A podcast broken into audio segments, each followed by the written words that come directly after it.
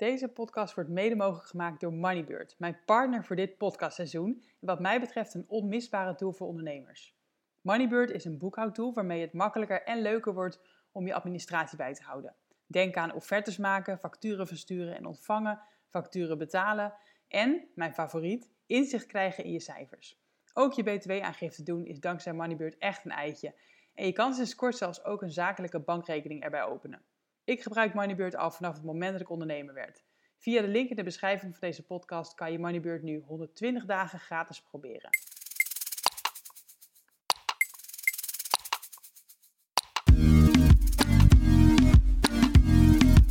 Super tof dat je luistert. Welkom bij een nieuwe aflevering van de Vrije Meid podcast. Mijn naam is Suzanne van Duin en ik help jou naar een vrij leven. In deze podcast leer je meer over online ondernemen, persoonlijke ontwikkeling en financiële vrijheid. Benieuwd hoe ik je verder kan helpen? Stuur me vooral een berichtje. Veel luisterplezier vandaag.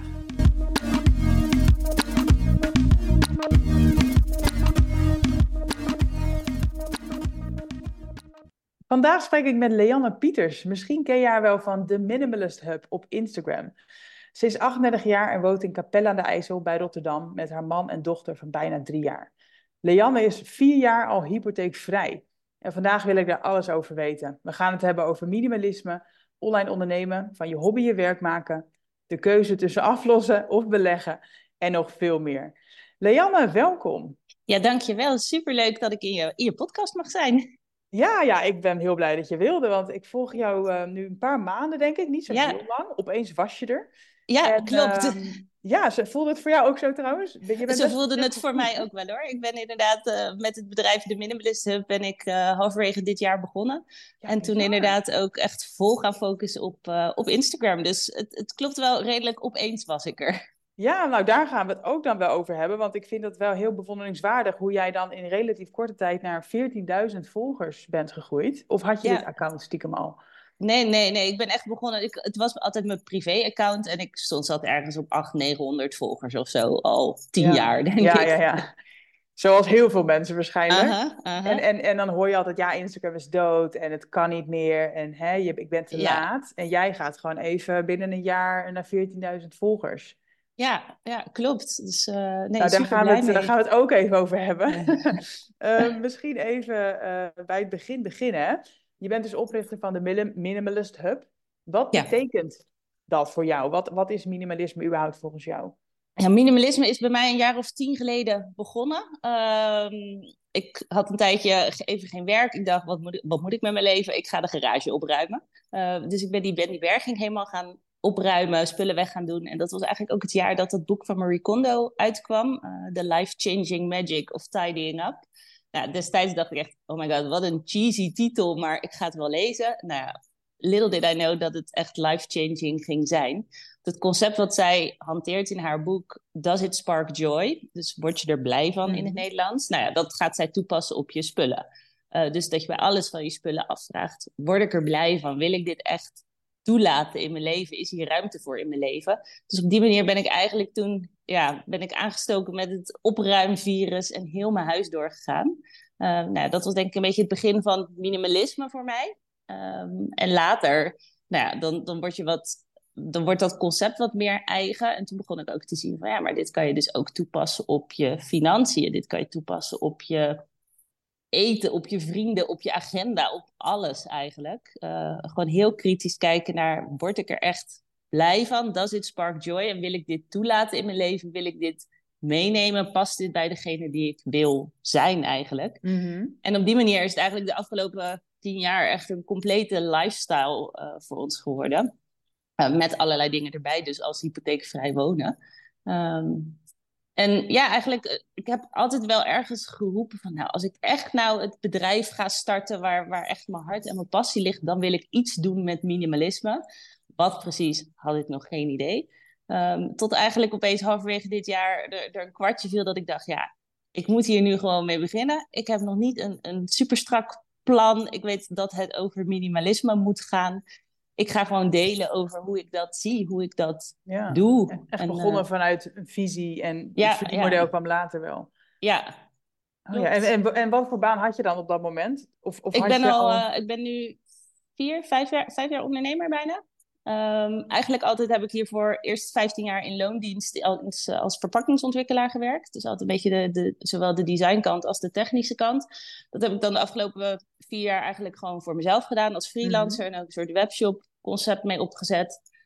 En dat vond ik eigenlijk altijd prima, hartstikke leuk. Maar op een gegeven moment dacht ik wel, ja, is, is dit het nou echt? Toen heb ik nog een tijdje geholpen ehm, in het bedrijf van mijn man. Uh, die verkoopt online meubels ook heel leuk om te doen. Daar alles met allerlei online marketing en dingen gedaan. Maar dat ik ook dacht, ja, mm, dit, is, dit is niet mijn droom nee, in ieder nee. Maar daar heb je wel een beetje kunnen oefenen met online marketing en, en Zeker, zeker. Ja, en in een gesprek met mijn coach kwam op een gegeven moment naar voren van ja, je kan gaan bouwen aan iets waar je wel naartoe wil. Of je kan gaan bouwen aan iets waar je niet naartoe wil. En toen viel er zo'n kwartje dat ik dacht, ja, oké, ja, ik moet volgens mij nu gewoon een knoop door gaan hakken die ik reet spannend vind. Maar uh, ja, die wel de goede is. De ja, ja, maar uh, je zegt hier meteen een aantal dingen waarvan ik weet dat er heel veel mensen mee struggelen. Want één is eigenlijk altijd al. Ze weet, mensen weten helemaal niet wat ze echt leuk vinden. Dat, hè, dat, ja. dat oude idee, dat is er niet. Nee. Ze weten niet zo goed wat ze, wat ze, waar ze aan willen bouwen. En, en als ze het al weten, doe het maar eens. Dan is het zo uh -huh. moeilijk om inderdaad alles achter je te laten en ervoor te gaan. Want ja, die hypotheek en weet ik veel, hè, allerlei vaste lasten en verplichtingen en spannend. En, maar ja, jij had überhaupt geen hypotheek. Nee, dus nee. Veel. Nou, dat maakte het inderdaad wel een stukje makkelijker, inderdaad. Ik had gewoon een, een fijne buffer vanuit, eerder vanuit mijn business. Nou, onze maandlasten zijn gelukkig relatief laag door het hypotheekvrij wonen. Dus dat heeft me ook gewoon de mogelijkheid gegeven om dat dit half jaar gewoon te zeggen: joh, ik ga hiervoor, ik spring ja. in de diepe en ik ga dit doen. Of ik het per se aan iedereen op die manier zou aanraden, weet ik niet. Um, ik denk echt bij vlagen wel eens: oh, had ik nu maar heerlijk gewoon een drie dagen in de week loondienstbaantje ernaast. Maar ja, dan had ik weer een heel stuk minder tijd om hier aan te bouwen. Dus dat ja. is voor alles uh, is wel wat te zeggen. Ja, nou inderdaad, laten we. Ik heb echt honderd vragen, dus ik ben even aan het kijken hoe hoe verwoord ik het allemaal? Nou, misschien überhaupt even nog heel even het minimalisme zelf. Hè? Want het is nou ja. echt meer een lifestyle geworden. Bij alles in het leven denk jij nu gewoon, is dit het echt waard? Ja. Uh, maakt ja. dit me blij? En ja. hoe is jouw man in dit verhaal betrokken? Was hij uh, ook al in de picture tien jaar geleden? Hij was zeker in de picture tien jaar geleden. Toen woonden we ook al samen, zonder kind nog. Uh, en ja, het is, het is vooral mijn ding. Hij stond zeker niet te springen als ik dan zei, schat, zullen we eens lekker op zondag je kledingkast gaan uitzoeken? Niet zijn ding. Prima. Um, maar wat ik wel merkte, en dat, het is een vraag ook die ik heel vaak krijg: van ja, ik wil wel ontspullen. Ik vind ontspullen een beetje een moeilijk woord, maar het dekt ja. de lading. Um, maar mijn man die wil niet. En ja, mijn man die stond in het begin ook helemaal niet te springen. Um, maar ja, die dacht, joh, laten we lekker dit ding doen. Het is wel prima. dus ik ben gewoon begonnen met mijn eigen spullen, met de spullen die gezamenlijk waren, waar hij niet zoveel van vond. Um, ik zou nooit aanraden om gewoon maar spullen van je man weg te gaan gooien. Nee, daar, maak, zou, daar maak je geen vrienden mee. Maar ik merkte wel dat dat gaandeweg, en dat heeft echt wel een tijdje geduurd, maar na een jaar, na twee jaar, dat hij echt wel begon te zien van, hé, hey, Dori, ze heeft hier wel iets. Dit... Hij begon ook de voordelen te zien van een veel rustiger, overzichtelijker huis, minder tijd kwijt zijn met schoonmaken, met opruimen. Uh, gewoon veel meer een fijner huis, meer rust in huis. En dat, soort, daardoor is die gaandeweg er wel in meegegaan. En ja, ja. Uh, zijn, nou ja, konden we het er dus ook op een gegeven moment over hebben van... hey, een hele platencollectie van jou of alle cd's en dvd's. Ja. En we daar misschien een selectie in maken. En nou ja, dat, dat is een proces geweest. Maar eh, nou ja, inmiddels uh, nou ja, leven we gewoon samen daar minimalistisch in. Ja. En uh, nou ja, ook en, met een kind... Je... Oh ja, sorry. Dit nee, ook met een kind geeft het weer de hele nieuwe dimensie. Maar uh, nee, ja, ik denk omdat we die lifestyle al zo eigen hadden gemaakt van tevoren, dat dat nu ook relatief goed gaat. Ja, want een kind, ik, het begint eigenlijk al bij de geboorte. Je krijgt mm -hmm. zoveel zooi. En het wordt je ook vanuit hè, de maatschappij natuurlijk verteld wat je allemaal wel niet nodig hebt. Ja, ja en, en zeker. En een stoeltje hier en een stoeltje daar en nog een ander stoeltje. Echt hè? Oh, ja, nou ja, ik, ik, zag ook inderdaad op een gegeven moment, ik werd zwanger en dan kreeg je zo'n lijst. En ik dacht echt, uh, dit wil ik niet. Wat verschrikkelijk. Hoe, hoe kan ik hier onderuit? Maar, ja. Nou ja, dan ga je dat overleggen met zo'n, zo'n uh, wat is dat, zo'n kraamzorg. Die zegt, nee, dit heb je echt allemaal heel erg nodig. Dus nou ja, oké, okay, nou ja, je weet het ook niet, dus dan koop je het toch maar. Uiteindelijk kwamen we al vrij snel tot de conclusie: mijn toptip is ook koop dingen op het moment dat je ze nodig hebt. En met een bevalling. alles is binnen 24 uur naar huis, weet je. Daarom. Soort, dat kan misschien dan voor een bevalling niet. Soort van, nou, daar moet je gewoon wat dingen voor in huis hebben. Maar we hadden geen wipstoeltje gekocht. En toen dachten we in week 1, oh, dat is best handig. Ja, toen heb ik een wipstoeltje besteld op bol.com. Midden in de coronacrisis, gewoon de volgende dag bezorgd. Ja, ja. Dus soort, ja, ook kleertjes. Ik heb gewoon een paar dingen gekocht. En gekeken hoe groot ze was toen ze eruit kwam. En toen dacht ik, nou, dan bestellen we nog wat meer. Ja. ja, dan koop je in ieder geval geen dingen die je niet nodig hebt. Nou ja, en je krijgt ook natuurlijk een hele hoop mm. onzin. En dat wordt ook alleen maar erger naarmate je kind ouder wordt. Volgens mij met speelgoed en zo. Ik merk dat nu zelf ook. Ja, ja, ja. Want hoe, ja, hoe deal je daar dan mee? Hè? Geef je dat dan weer terug? Of, uh, of, of weiger je dat? Nou, nee, ik denk dat ik heb er toevallig uh, vorige maand een hele masterclass over gemaakt. Dus toen ben ik daar ook eens inderdaad ingedoken van hoe gaan we daar nou echt mee om? Um, maar dat de makkelijkste manier is voorkomen dat het binnenkomt, in plaats van weer zorgen dat je het eruit moet werken. Um, dus dat is gewoon echt wel naar. Ook met. Mijn dochter is in januari, begin januari jarig. Dus we hebben Sinterklaas, Kerst en verjaardag achter elkaar. Ja, je moet gewoon echt afspraken maken met mensen. Verlanglijstjes uitsturen. Jongens, prima. Kom desnoods gewoon zonder cadeautje willen mensen niet. maar koop dan iets van het verlanglijstje alsjeblieft. En met Sinterklaas zullen we gewoon allemaal één cadeautje geven. Zullen we het liefst geen kerstcadeautjes doen. Uh, om zo toch gewoon die hoeveelheid een beetje binnen de perken te houden. Want het is gewoon veel. Ja. Hey, en um, nou ja, in de loop der jaren dus minder spullen gaan, gaan verzamelen. En was dat ook het punt dat jullie dachten van... hé, hey, we kunnen eigenlijk wel kleiner gaan wonen zelfs? Uh, ja, ik denk dat ik ik ben altijd heel erg uh, fan. Gewoon, ik voelde dat ik in Rotterdam zelf heel erg op mijn plek zat. En ons vorige huis stond ook in Rotterdam. Uh, maar goed, je gaat toch op een gegeven moment nadenken: van, ja, waar, waar zou mijn volgende huis dan staan? En toen weet ik nog goed dat ik een keer een quote las in de Flow, in Flow Magazine. Waarin stond van ja, als je bereid bent om kleiner te gaan wonen, dan kan je voor hetzelfde geld op een fijnere plek wonen. Ja, en toen dacht ik echt, Oké, dus als ik kleiner wil gaan wonen, dan kan ik misschien wel in Rotterdam straks in dat huis met een tuintje en nou ja, alle dingen die je weer in een volgend huis zou willen. Uh, dus dat triggerde voor mij wel heel erg van, oké, maar dan ja, kleiner wonen, dat, dat kunnen we wel, want dat snap ik nu hoe dat moet met je spullen wegdoen. En dat zou dus betekenen dat we dadelijk wel een tof huis op een toffe plek kunnen hebben, omdat het gewoon kleiner is. Mhm. Eh, dus dat, eh, die quote, weet ik, dat weet ik nog heel goed, dat ik die las en dat me dat enorm heeft gemotiveerd, uh, ja, inderdaad in relatie tot, tot wonen. Wat, hoe, uh, wat voor huis had je dan eerst in Rotterdam? Hoe groot was dat? En, en waar zijn jullie heen gegaan uiteindelijk? Nou, het is, het is uiteindelijk iets anders gelopen dan ik op dat moment voor ogen had. we woonden in een, in een heel tof appartement aan de rand van de stad. Uh, was een appartement van, ik denk 110 vierkante meter of zo.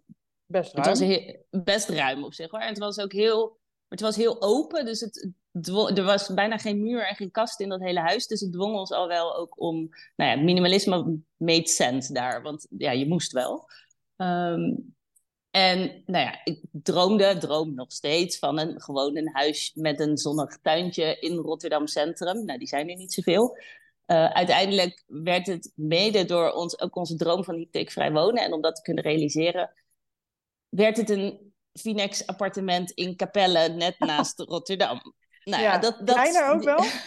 Uh, nee, hij is zelfs nog groter. Hij is 140 vierkante meter oh. of zo. Dat is echt, dat wilde ik helemaal niet. 140 dus, vind, ik, vind ik echt heel groot hoor, om te wonen. Ja, nee, ja dat, dat is het ook. En nou, ik merk ook nu aan alle kanten, omdat je dus de ruimte hebt, loopt je huis ook weer vol met spullen. Dus ik vind het helemaal ook niet handig.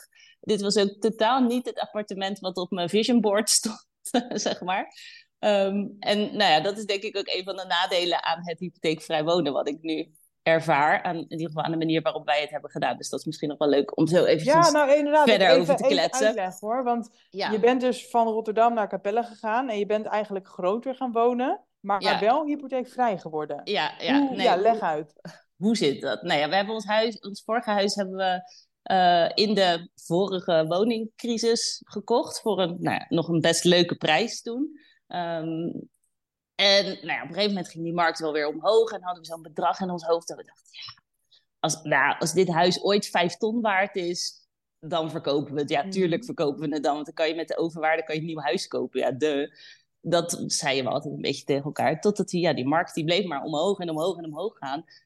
Tot we dachten, uh, ik weet niet, maar volgens mij is ons huis nu ongeveer wel vijf ton waard. En ondertussen, parallel daaraan, hadden we ook door dat hele minimalisme, zijn we ook kritischer naar onze financiën gaan kijken. En uh, nou, dat was destijds in ieder geval nog heel erg op de, uh, waar kunnen we schrappen in de vaste lasten en in de mhm. kosten, zonder dat we er, zonder dat we voelen dat we heel erg aan het schrappen zijn. Um, en nou, toen zijn we die hypotheek dus ook onder de loep gaan nemen. Um, en op dat moment waren we nog, dat was een jaar of zes, zeven geleden, denk ik, waren we nog helemaal niet bezig met beleggen. Ik kom echt uit een, een, een familie beleggen. En, eh, nee, dat is spannend en risicovol. En nou, dat, dat is hoe ik daarmee ben opgevoed. Dus dat was niet in de picture. Um, maar je hypotheek aflossen was op dat moment met de rentes die er toen nog op die hypotheek golden, best wel een handige manier om toch iets met je geld te doen. Um, zonder dat je het echt hoeft te investeren in een beleggingsrekening of ja. iets. Ja, dat is ook wel goed om te noemen. Want misschien de jongere luisteraars die, hè, die denken dat rentes zeg maar onder de 2% normaal zijn. Nee, maar nee, nee. vroeger had je sowieso misschien wel rente van 5%. Ja, we zijn dan, geloof ik 4,5 of zo inderdaad. Dus dat, zeker wel. Het, Tuurlijk, als je gaat investeren, dan, dan haal je zeker 8 of 10 procent. Maar dat wist ik toen allemaal nog niet. En dat was natuurlijk allemaal veel te spannend. Dus nou ja, hypotheek aflossen was dan een mooie middenweg eigenlijk voor ons. Um, dus nou, dat hebben we helemaal uitgerekend. En daar werden we eigenlijk ook heel enthousiast van. Dus dat zijn we eigenlijk met, uh, nou ja, met de besparing die we hadden op onze maandlasten zijn we gaan aflossen. We zijn met alle extraatjes van de, van de belastingdienst die we terugkregen, zijn we gewoon gaan aflossen. Dus ik denk dat we op een gegeven moment een, ongeveer een ton extra hadden afgelost. En uh, nou ja, plus dan de waardestijging van ons huis op dat moment. Dat we eigenlijk dachten, oké, ja, er zit nu een overwaarde op waarmee we een nieuw huis zouden kunnen kopen. Ja, gewoon cash, zeg maar. De cash, ja. ja moet, zullen we dit doen of niet? Maar ja, dat had dus wel tot, de, tot gevolg dat we moesten kiezen van... oké, we gaan nu naar een, van een huis wat vijf ton in waarde is... gaan we naar een huis wat ongeveer drie, drieënhalf ton in waarde is. Mhm. Ehm, dus dat betekende wel een klein stapje terug doen. En dat wilde ik heel graag doen in de zin van minder meters. Um, ik heb echt wel, we hebben echt wel naar huizen van 60, 65 vierkante meter gekeken, wat ook serieuze opties waren. Mhm. Ehm, maar uiteindelijk steeds niet het, het huis gevonden waarvan we dachten, ja, dit voldoet aan al onze eisen. Uh, tot we dit huis tegenkwamen eigenlijk. En dat was uh, nou ja, in ieder geval op dat moment by far de beste optie die we, uh, die we hadden. Um, maar ja, toen kwamen we dus wel inderdaad in Capelle in een Vinex in een appartement zonder tuin in een groter huis terecht. ja, ja, ja, maar en, en waar, ja, waar zit de win? Even af. Ja, waar zit de win? Nou, de win zit hem A, inderdaad, in het dus hypotheekvrij kunnen wonen. We wilden ook heel graag gewoon wel een uh, modern huis, als in, nou ja, relatief nieuw. Uh, heel veel leuke huisjes in leuke wijken van Rotterdam zijn toch oudere huizen, echt uit uh, early 1900. Dat, ja, dat, dat trok ons gewoon niet aan, dus dat viel eigenlijk allemaal af. Uh, verder wilden we ook heel graag een, een heel licht en, en ruim voelend huis. Het mag wel 60 vierkante meter zijn, maar het moet niet krap en klein voelen. Nou, dat zijn dingen die we hier wel allemaal vonden. En nee, je zal mij ook echt niet horen klagen over het, het huis. Want we, nou, zeker van binnen hebben we het ook hartstikke mooi opgeknapt. Dus we zitten hier lekker. Plus, nou ja, we, hebben, we hadden ook gelijk een extra kamer, wat uh, ongeveer binnen een maand geclaimd werd als babykamer. Dus um, het heeft ook een heleboel voordelen. Maar was het het huis op mijn vision board?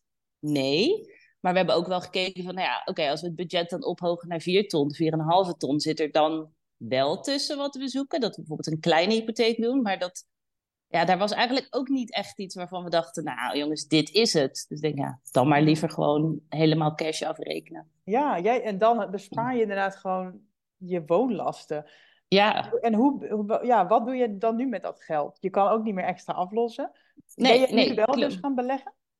Uh, ja, we zijn inderdaad, uh, ik denk ongeveer rond die tijd. Uh, mijn man die was er al wat langer mee bezig met beleggen, met zich daarin verdiepen. En ik ben denk ik ook een beetje rond die tijd uh, wel begonnen met, oké, nou, ik moet me er in ieder geval eens in verdiepen, want ik weet ook van mezelf, als ik me ergens in verdiep, dan verdwijnt over het algemeen het, oh, dit is heel spannend en eng, en dan kom ik verder. Dus ik ben boeken gaan lezen. Um, en toen heb ik inderdaad ook de, de, de, eerste stappen daarin gemaakt. En ik merk inderdaad, mijn man die vindt het vooral leuk om echt aandelen van bedrijven uit te zoeken en ook een stukje onderzoek te doen naar die bedrijven van, is dat dan een goed bedrijf en is het, heeft het zin om daarin te investeren? ik merk dat ik dat allemaal niet zo heel, heel interessant vind om mee bezig te zijn. Dus ik kies zelf meer voor een iets passievere vorm in ETF's. Mhm. Ehm, die heb ik gewoon aangekocht. Daar doe ik eigenlijk al drie, vier jaar niks mee. Prima, gaat staag omhoog. Lang niet zo hard als het potje van mijn man, maar dat is prima. Ja, nou ja, en dat is ook de uitzondering, denk ik, dat het potje van je man zo groeit. Want de meeste mensen die in aandelen beleggen, die maken ook een hele hoop missers. En ja, ja. voor de lange termijn zijn ETF's ook wel gewoon een hele goede investering. Ja, ik vind het voor mezelf in ieder geval wel de, de soort een beetje de middenweg tussen sparen en beleggen eigenlijk. Van, nou, je haalt wel iets van rendement meer dan op je spaarrekening, maar je hoeft er ook niet elke dag mee bezig te zijn. Want nee. dat heeft gewoon niet mijn interesse of, of merk ik dat ik dat niet leuk genoeg vind eraan, zeg maar. Nee, nee, precies. En, ja, en dan inderdaad, dan gaat het natuurlijk wel, wel hard met het beleggen als je die maandlasten erin kan stoppen. Of heb je... Ja. Nou, het, het, het, het, liep niet helemaal zo. We dachten inderdaad van, oh ja, want dan houden we duizend, ruim 1000 euro elke maand over. In de praktijk heb ik dat eigenlijk meer gebruikt om uh, nou ja, te ontdekken en te spelen in mijn business. Omdat we mhm. natuurlijk gewoon minder verplichte maandlasten hadden. Um, hoefde ik mezelf op dat moment ook minder salaris uit te keren.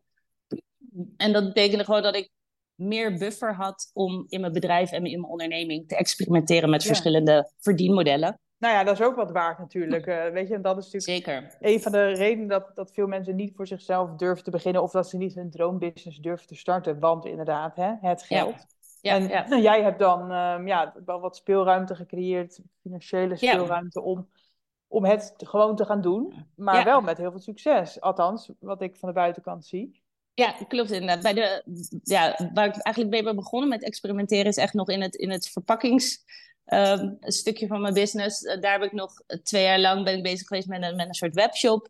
Uh, wat super leuk was, waar ik heel veel van heb geleerd, wat ik nu ook weer toepas. Maar ik heb nu met de Minimalist Hub veel meer het gevoel van: nee, dit, ik zit nu eindelijk op het juiste pad, wat, wat, wat de bedoeling is voor mij, zeg maar. Ja, je dus dat, uh, dit gewoon.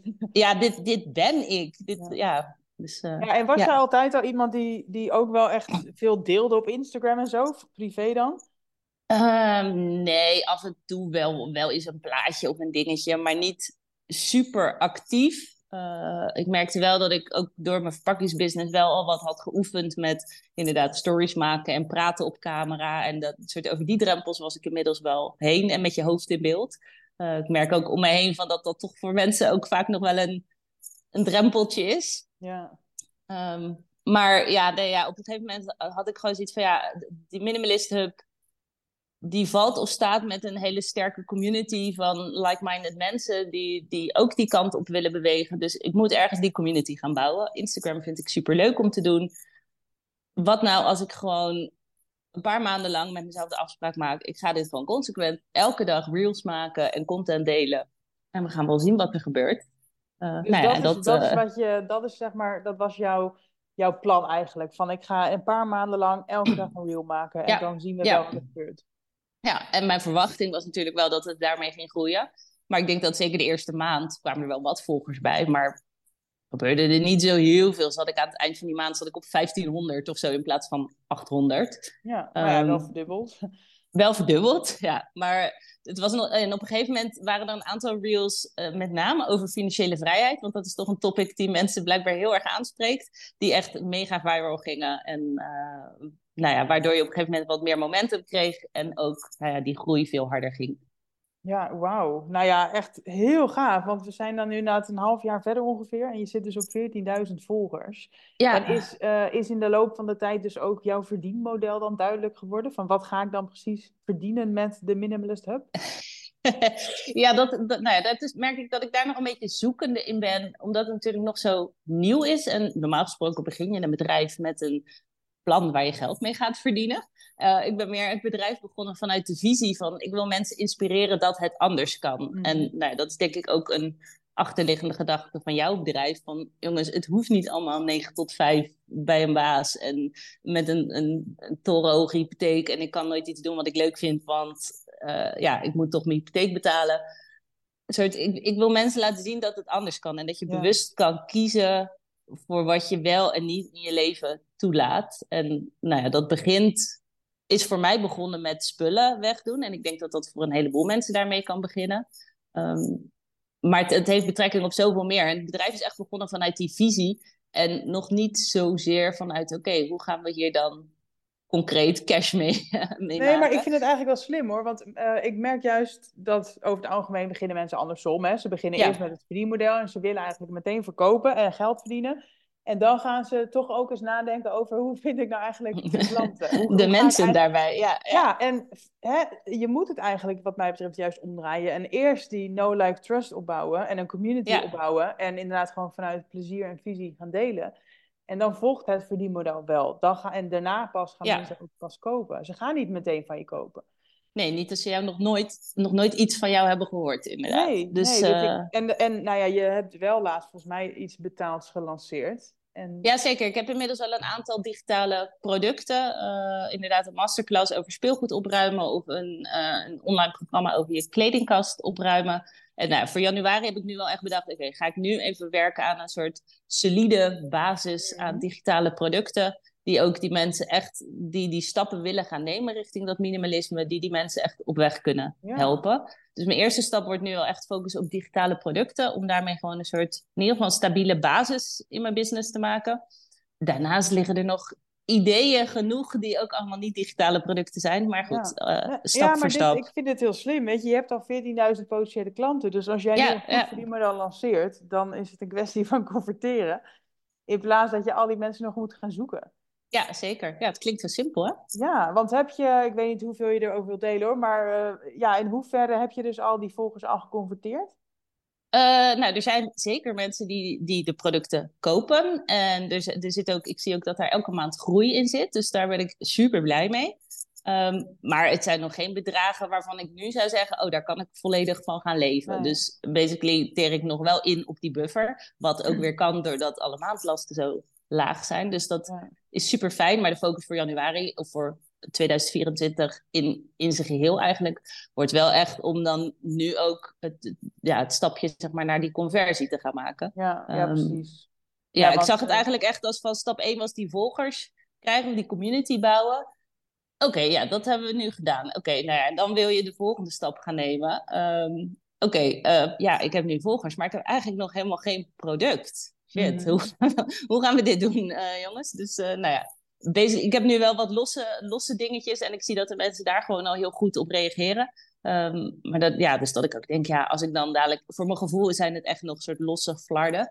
Als mensen dadelijk, als ik dadelijk echt een goed programma heb, inderdaad, van, nou, dan, dan moet dat echt een heleboel mensen kunnen gaan helpen. Dus dat is uh, super nou ja, inderdaad, gewoon een strategie ook om dat dan dus te verkopen.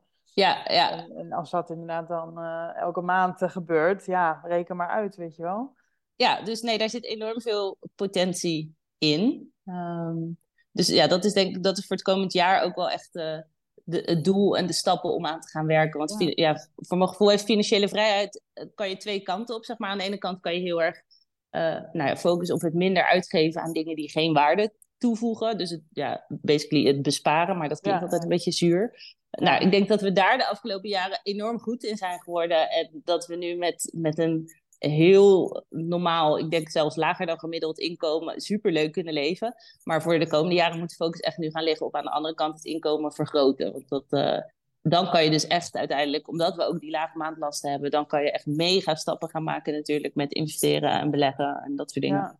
Ja, ja. cool. Ja. gaat je kind ook naar de opvang? Ja, zeker. Ja, ja dat kost ook zoveel geld.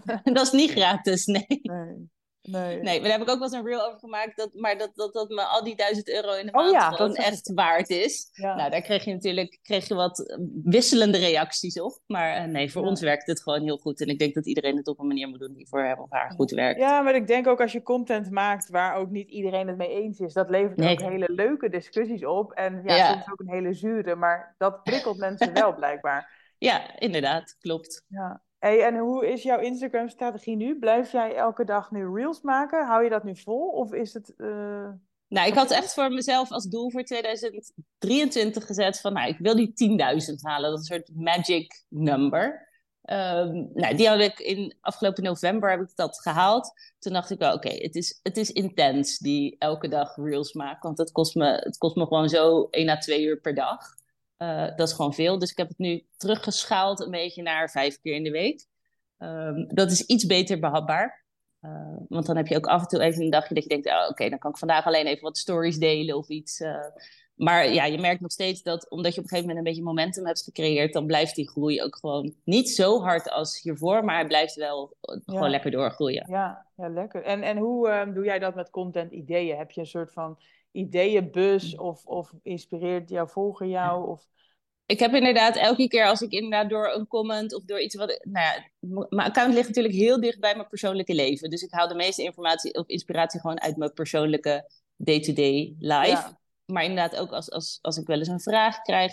Ik, ik gooi dat allemaal op een bord. In de praktijk merk ik dat de, de beste reels toch komen als ik op dit moment inspiratie voel. Oh, wacht, hier ga ik iets over maken.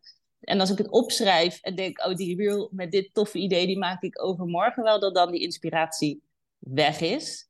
Ehm, dus ik, ik geloof ook niet zo zelf in, in de contentkalenders en de 30 dagen vooruit je content eruit persen. Ik geloof zelf Dan iets mis je soms dat die actualiteit voor jezelf en ook misschien wel in de maatschappij, hè? En dat, en dat momentje van ergens inspiratie voor voelen. En ik, ik denk dat de beste reels die ik gemaakt heb, wel de reels zijn waarvan ik op dat moment dacht: ah, dit is een topic waar ik iets over wil delen. Ik voel hem nu. Klinkt een beetje zweverig, maar dan, dan ga je er wel in met een bepaald excitement en enthousiasme. Terwijl degene die een soort, oh ja, wacht, ik had vorige week opgeschreven dat ik nu een reel moet maken over kerstcadeautjes. Mm. Mm, wat zou ik nu weer eens schrijven? Dat, dat wordt dan voor mijn gevoel niet mijn meest inspirerende content. Dus daarom probeer ik het toch wel een beetje bij de dag te maken. Of nu een beetje te batchen per twee dagen. Maar ik werk dus inderdaad niet met uh, contentkalenders en 30 dagen vooruit. Zou ik vast heel veel tijd mee kunnen besparen. Maar voor mij is dat nu in ieder geval niet de way to go. En heb je wel eens ook gehad dat het echt twee weken dat er geen volger bij kwam, of dat er zelfs volgers afging of zo? Uh, nee, dat eigenlijk, het blijft eigenlijk altijd wel doorgroeien, maar je ziet wel, uh, nou, je ziet, je ziet wel pieken en dalen. Ik, ik verlies ook zeker een hoop volgers hoor. Ik keek, ik keek vorige maand even bij de statistieken. En dat er dan 3000 bij waren gekomen, maar er waren er ook 1000 af.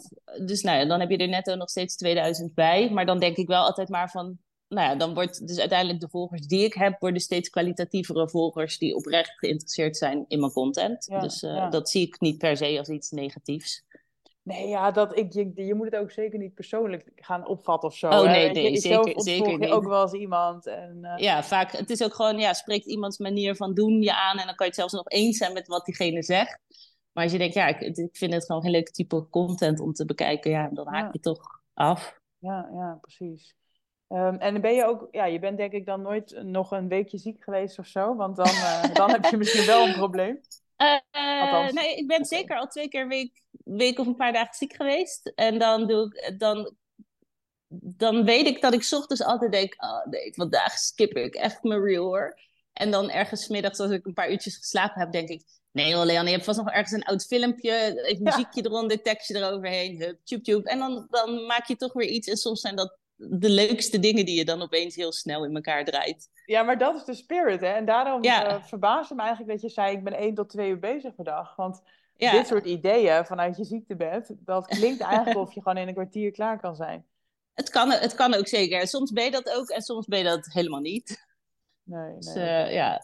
En het is dan vaak inderdaad, nou, je bent even bezig met die reels en dan, nou, daar moet nog een mooie leuke caption, leuke tekst bij. Dan wil je er ook nog wat stories bij maken. Die wil je nog even ondertitelen. Soort alles bij elkaar gaat er toch uh, vrij snel wel een hoop tijd in zitten. Ja, misschien ben ik ook te rooskleurig hoor. Misschien, misschien denk ik te optimistisch over de tijd die ik daar besteed. En is het eigenlijk bij mij ook al iets langer. Maar dat zou je dus moeten gaan timen dan. Het voelt in ieder geval niet zo, omdat ik inderdaad. Nee, ja, het, het is ook gewoon, zeker als je inderdaad inspiratie hebt, is het gewoon leuk werk om te doen. Zo simpel is het ook. Ja. ja, precies, maar dat is het ook. Hè. Als je het gaat zien als een heel grote to-do en een hele zware taak, ja, ja dat, dan heb je inderdaad elke dag die zware taak. Maar ja, ik zie het gewoon als een soort verlengstuk van mijn leven. En uh, het gaat gewoon heel ja. natuurlijk. Als je dicht bij jezelf blijft, zeg maar, dan, ja. dan is ik het denk makkelijker. Wel, ja. Ik denk dat dat inderdaad wel, wel voor ons allebei, denk ik, wel de sleutel tot het succes is. Want het is gewoon heel dicht bij jezelf. Dus je kan heel makkelijk situaties uit je leven. Oh, ik film het even en ik maak er een, een leuk, leuk stukje content over. Ja. Hey, en nog heel even over, nou, 2024 staat voor de deur natuurlijk, ja, aan je voeten. Uh, het, ik hoorde net al, nou ja, solid verdienmodellen erbij, online producten, in de zin van masterclasses, cursussen, dat soort dingen. Ja. ehm, dat, daar ligt jouw focus op voor 2024? Ja, dat wordt wel echt de focus voor 2024. Inderdaad, gewoon een, de, de visie en de business en de community, die is er. En daar ben ik super dankbaar voor dat ik afgelopen jaar gewoon die stap heb durven nemen en, en dat ben gaan doen. Maar nu moet er gewoon echt een serieus bedrijf van gebouwd worden. Ja, dus dat is voor 2024 voornamelijk mijn focus. En heb je er ook een soort omzetdoel? Of... Nou ja, ik wil ook naar die tonnen. Ja, ja, ja oké. Nee, dat mag.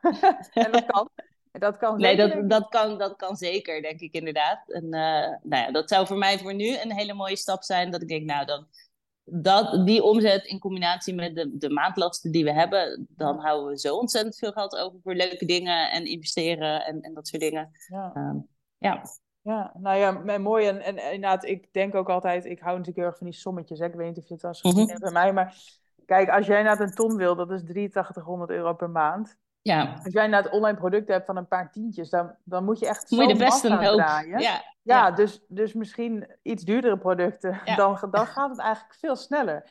Ja. En, en die online producten, soms denken we hè, van, oh, als ik een klein productje hier en daar, maar dan moet je inderdaad zoveel verkopen. Ja, nou ja, ik, ik, heb inderdaad, ik heb ook nog een Etsy-shop ernaast. En nou ja, op Etsy verkoop je dan digitale producten. Die zijn inderdaad allemaal 5 euro, zeg maar. Ja, uh, ja het, het, draait inmiddels echt best wel leuk, maar ja, je moet een heleboel spreadsheets van 5 euro verkopen. Ja, nou, hetzelfde geldt voor de, voor de producten van 10 euro in de webshop die ik nu heb. Dus daar, daar wil ik vooral inderdaad een wat kwalitatievere, stevigere basis gaan neerzetten die het ook waard is om daar wat, dus wat meer voor te kunnen vragen. Ja. En is die Etsy shop gekoppeld aan de Minimalist Hub of zijn het heel andere dingen? Het is vergelijkbaar. Oh ja, ja. Maar promoot je het ook op Insta of is echt een hele aparte business eigenlijk. Nee, ik promote hem. In het begin had ik hem eraan gekoppeld, maar inmiddels heb ik gewoon de producten die ik de moeite waard vind voor de Nederlandse following die ik heb, heb ik ook gewoon uh, omgezet naar Nederlands. En die bied ik nu gewoon in mijn eigen webshop aan. Uh, Dat merk ik dat het eigenlijk veel makkelijker, logischer is. Plus je bestaat dan ook niet de fees die Etsy er natuurlijk over rekent. Um, dus en in, eigenlijk... in Etsy is het alleen voor Engelstaligen dan?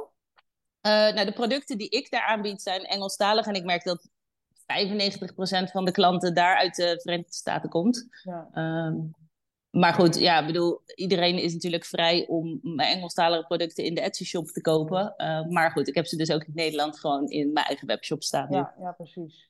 En uh, bij Etsy hoor ik vaak weer het voordeel dat het een soort van zoekmachine is waar mensen ja, gewoon ja. Hè, zelf komen en dingen gaan vinden. Dus dan ja, ik vind dat dus een hele ik vind dat dus een hele leuke mix eigenlijk. Want ik ben dus in eerste instantie met Etsy begonnen. Uh, toen ik het idee kreeg van de Minimalist Hub. Omdat ik ook dacht, ja jongens, ik heb 800 volgers. Die bestaan voor 80%. Nou nee, ik heb geen familie van 800 mensen. Maar het is uh, zeg maar mijn moeder en een paar vriendinnen. En, uh, en wat, wat kennissen, zeg maar.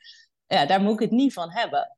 Dus hoe ga ik dan ergens geld mee verdienen um, zonder die, die social media following? Dus toen ben ik inderdaad met Etsy begonnen. Um, en ik merk dat ik het nu vooral een hele leuke afwisseling vind. Want Etsy is echt heel erg SEO-gericht, vrij technisch, analytisch, echt onderzoek, data, research en op die manier dan producten maken. Terwijl alles met social media is natuurlijk veel meer op emoties en connectie en, en, en een band opbouwen met mensen en mensen willen helpen. En dus dat is een hele andere vorm van business voeren. En ik merk dat ik, eh, als ik dan even een beetje klaar ben met al die data en die SEO, dan vind ik het weer heerlijk om even lekker te kletsen met mensen op Instagram. En dan ben ik daar dan weer een beetje, dan denk ik, oh, ik ga even lekker een dagje gewoon in de cijfertjes en de data duiken voor Etsy.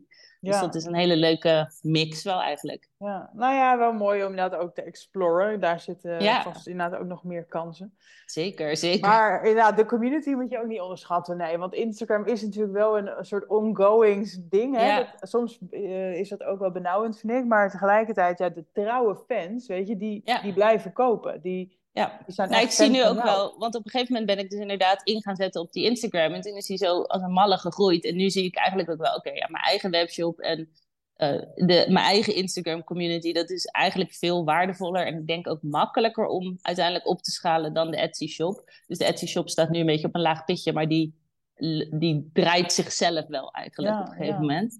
Um, maar ja, het zijn gewoon twee hele, hele verschillende dingen. En de, de mix vind ik heel erg leuk. Ja. Nou, inderdaad, ik denk ook dat het best slim is om een mix te doen. Ik bedoel, kijk, minimalistisch gezien zou je misschien denken één kanaal en daar houden. Maar het is best handig om, om zowel een soort Instagram kanaal te hebben als ook een meer SEO lange termijn kanaal. Zoals ook een podcast. Ja, nou ik denk ook... Um... Ja, sowieso de mix is inderdaad fijn. En de, de twee hele verschillende uh, ja, soorten businessmodellen. Maar ook dat je in het begin van een business echt... Ja, het is voor mij ook weer een heel nieuw ja, verdienmodel. In die zin van... Uh, met packaging was het natuurlijk altijd business to business. Ik ben nu opeens uh, business to consumer. Ik zal niet zeggen, ik heb geen idee wat ik, wat ik daarvoor moet doen. Maar het is, het is toch weer even zoeken naar, oké, wat werkt dan? Mm. Um, en dat zeker in het begin van zo'n business, dat het experimenteren en proefballonnetjes oplaten. En vind ik dit leuk, werkt dit, slaat dit aan? Dat dat ook heel belangrijk is om uiteindelijk dat ding te gaan vinden wat wel werkt. Ja, nou inderdaad, op een gegeven moment ken jij je volgers natuurlijk ook zo goed dat je op een gegeven moment weet van nou hier gaan mensen altijd op aan en dit is gewoon het grote pijnpunt en nou ja, ja. dan, dan is het zoveel makkelijker om te verkopen en om ook een product te bedenken. Ja, zeker. Heel leuk. Hey, misschien nog um, een, uh, een van de laatste vragen die ik heb. Um, zou jij met de kennis van nu weer gaan voor hypotheekvrij of zou je dat anders doen? Ik ben wel aan het toewerken naar een inkomen en vermogen om ons volgende huis weer met een hypotheek te gaan kopen. Ah. ja, vertel, waarom? Waarom? Voor ons is, de, is die beslissing uh, bestaat uit twee delen. Uh, dat, zal, dat is persoonlijk, dat geldt niet voor iedereen, maar wat, waar we het eerder al over hadden. Uh, voor ons betekent die stap van hypotheekvrij wonen betekent ook een stapje terug doen in het huis wat je kon kopen op dat moment. Ja. Um, omdat we die oude hypotheek gewoon niet volledig hadden afgelost. Als je de hypotheek van je huis waar je nu woont aflost, blijf je gewoon in hetzelfde huis wonen wat je, als het goed is, heel fijn vindt. Um, maar ik woon nu in een huis wat niet mijn droomhuis is. En dat is prima voor nu. En het is geen slecht huis en ik heb het er prima naar mijn zin. Maar ik merk wel dat je, er staat niet elke dag iemand met een bos ballonnen voor de deur. Joehoe, je bent hypotheekvrij. Maar je voelt wel elke dag van ja, de, soort, de, de, de vibe en de energie van een, een wijk en een buurt waar je in zit. Dat je denkt, hm, ja, dit is, dit is niet mijn droomhuis in ieder mhm. geval. Zonder daar heel gelijk heel uh, decadent en negatief over te willen doen. Dus nou ja, we merken allebei, we, we gaan allebei heel goed op mooie dingen en op, op designer dingen ja, we dromen gewoon wel echt van een mooi designhuis weer. Kleiner en mooier. Uh, En op de plek waar we dat graag willen, hebben we daar zeker wel een hypotheek voor nodig. Ja, en dat is dan uh, toch weer Rotterdam? Ja, zeker. Dat daar zit, nou ja, ik zie voorlopig nog niet mezelf daar heel erg weggaan. Um, plus, aan de andere kant komen we er ook steeds meer achter dat het eigenlijk misschien niet per se handig is dat nu een groot deel van ons vermogen gewoon in ons huis zit. Ja, dat vind ik ook een hele belangrijke, ja. Leg eens uit. Nou, als we, nu, als we destijds, uh, stel, we hadden gewoon ook dit huis gekocht, maar we hadden daar gewoon uh, eh, 3,5 ton hypotheek opgenomen, dan was het huis met hypotheek betaald en hadden wij 3,5 ton op de bank staan, waar we dan mee hadden kunnen gaan feesten of beleggen, een van de twee. Ja. Um, en andersom gezien kan je zeggen van, nou, je kan nu alsnog een hypotheek op je huis nemen, maar een soort een hypotheek nemen om er dan mee te gaan beleggen, dat voelt heel, dat voelt nog wel een beetje akkoord. Ja, om dan uh, inderdaad die overwaarde echt letterlijk weer op te nemen en dan te beleggen. Ja, dus we zijn nu wel aan het kijken van, nou ja, kunnen we wel die overwaarde opnemen en daar een stukje van gebruiken om bijvoorbeeld te gaan investeren in, in vastgoed in de vorm van vakantiehuisjes of dat soort dingen. Om toch een beetje dat geld wat daar nu in zit. Want er zit gewoon een paar ton nu in ons huis. Mhm. Die we nergens anders voor kunnen gebruiken om weer geld mee te maken. Een slapend uh, vermogen. Ja, en dat was destijds voor ons helemaal geen topic, want we waren gewoon helemaal niet mee bezig. Maar ja, in, in een jaar of uh, vier, vijf kan je een hoop bijleren. En denken we, ja, hm, eigenlijk is dit niet per se handig. En als we vier jaar geleden een hypotheek op hadden genomen, dan had hij 1% rente gehad.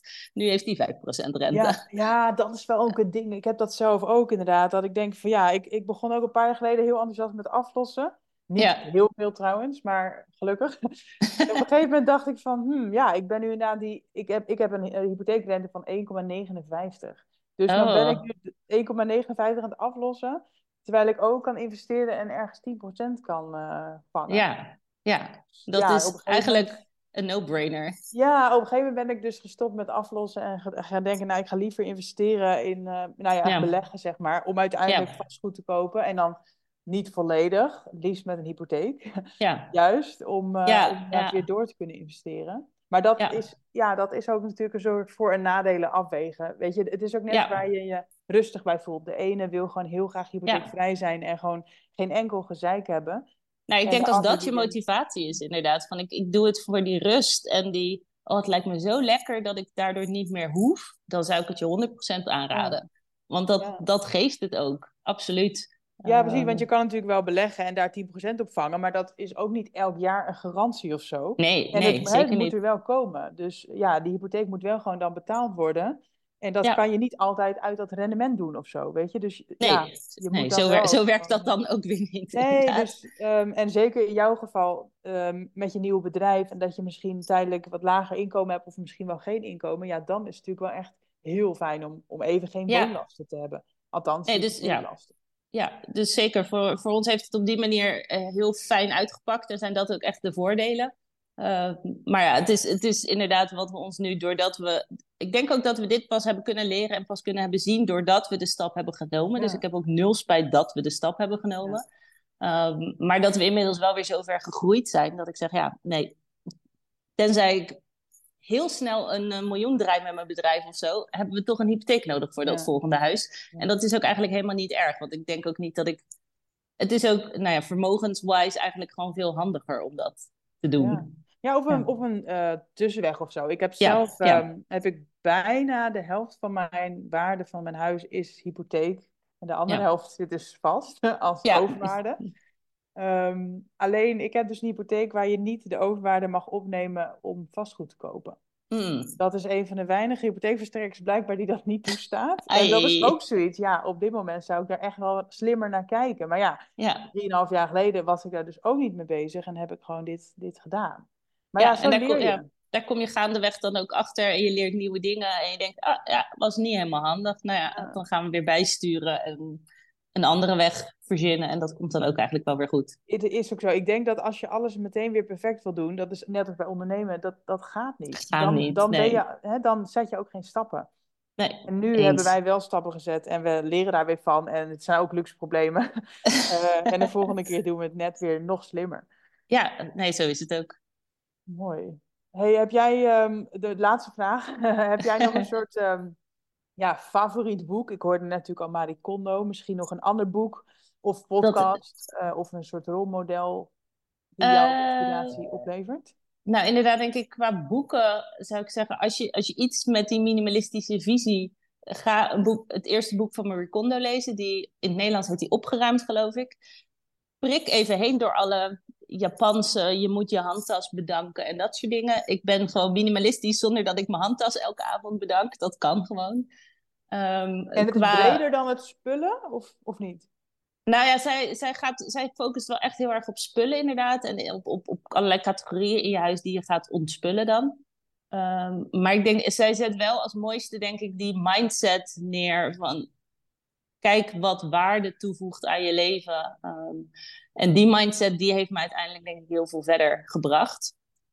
Um, we hadden het net inderdaad ook eventjes over beginnen met beleggen. En, en dat, dat, dat, dat spannend, dat ik dat heel spannend vond. Toen ben ik inderdaad dat boek uh, gaan lezen van Blondjes beleggen beter. Ik ook, ja. Ik denk dat iedereen die, die daar een beetje mee bezig is hem wel gelezen heeft. Maar dat vond ik ook echt een heel verhelderend boek. Daarover in ieder geval wat me gewoon heel erg duidelijk heeft uitgelegd hoe het werkt. En dat het ook niet allemaal zo woe en eng is. als dat ik van tevoren dacht. Oké, dit, oh, oké, werkt het zo? Ah, en, ook, en ook daar eigenlijk weer heel minimalistisch. Hè? Tenminste, ik beleg ook heel minimalistisch. Ja, je kiest een paar dingen en ik stort er elke maand geld in en that's it eigenlijk. Ja, je hebt, je hebt gewoon een, een tijdje, een, een, fase, zeg maar, dat je er even wat inderdaad wat onderzoek in moet doen. En je moet leren hoe dat zit. En je moet inderdaad wat, wat, of wat ETF's of wat aandelen of dingen uitkiezen waarvan je denkt, nou, hier sta ik achter, dit is een goede keuze. Maar als je eenmaal die keuze hebt gemaakt en je stort daar gewoon geld in, ja, dan hoef je daar vervolgens ook niet meer zo heel veel mee te doen. Nee, nee precies. En qua dus, eh, ondernemen, heb je daar nog eh, inspiratie of rolmodellen of podcast? Hoe kom jij aan al deze kennis? Hoe kom ik aan al deze kennis? Uh, ik volg, dat, dat haal ik denk ik vooral uit Instagram, waar, ik, waar ik gewoon een hoop business coaches volg die ik heel leuk vind, heel inspirerend vind. Ik denk dat de meeste wel Celine Charlotte kennen. Daar, die, haar cursussen vind ik gewoon super interessant. Um, iemand die ik ook ken van mijn werkplek. Uh, die zit ook bij Workmode, waar jij volgens mij ook oh, ja. zit. Jij zit bij Workmode Rotterdam ook, toch? Ja, heb ik gezeten inderdaad. leuk. en via daar ken ik weer Aranka van Aranka Ja. in Business. Ik vind haar hele fijne, leuke content maken. Ehm, Fast Forward Amy Ja, volg ik de laatste tijd. Dus nou ja, allemaal dat soort inspirerende... Zij ehm, is in mijn podcast geweest eh, in het begin, dus nummer vier Oh, is eh, oh, super. Oh, die ga ik even teruglezen. Ja, luisteren. is, drie jaar geleden dus. Oh, grappig, leuk. Ja, dus eh, op die manier omring ik mezelf eigenlijk op social media gewoon met een soort kring aan inspirerende ondernemers waarvan ik denk, nou, als zij het kunnen, kan ik het ook. Ja, nou, that's the spirit. Ja, Hey, toch? Super bedankt, Leanne. Echt Ja, eh, hartstikke een leuk. heel, heel mooi verhaal op, op heel veel fronten, denk ik. En ehm, nou ja, ik wens je ehm, niet zozeer meer volgers toe, maar vooral eh, meer klanten komend jaar. Ja, dankjewel. Super bedankt voor het luisteren. Ik hoop dat deze aflevering tot inzicht heeft geleid. Laat het me weten. Ik zou het heel leuk vinden als je iets over deze podcast kan delen op social media of een review kan achterlaten. Hopelijk weer tot volgende week bij de Vrije Meid Podcast.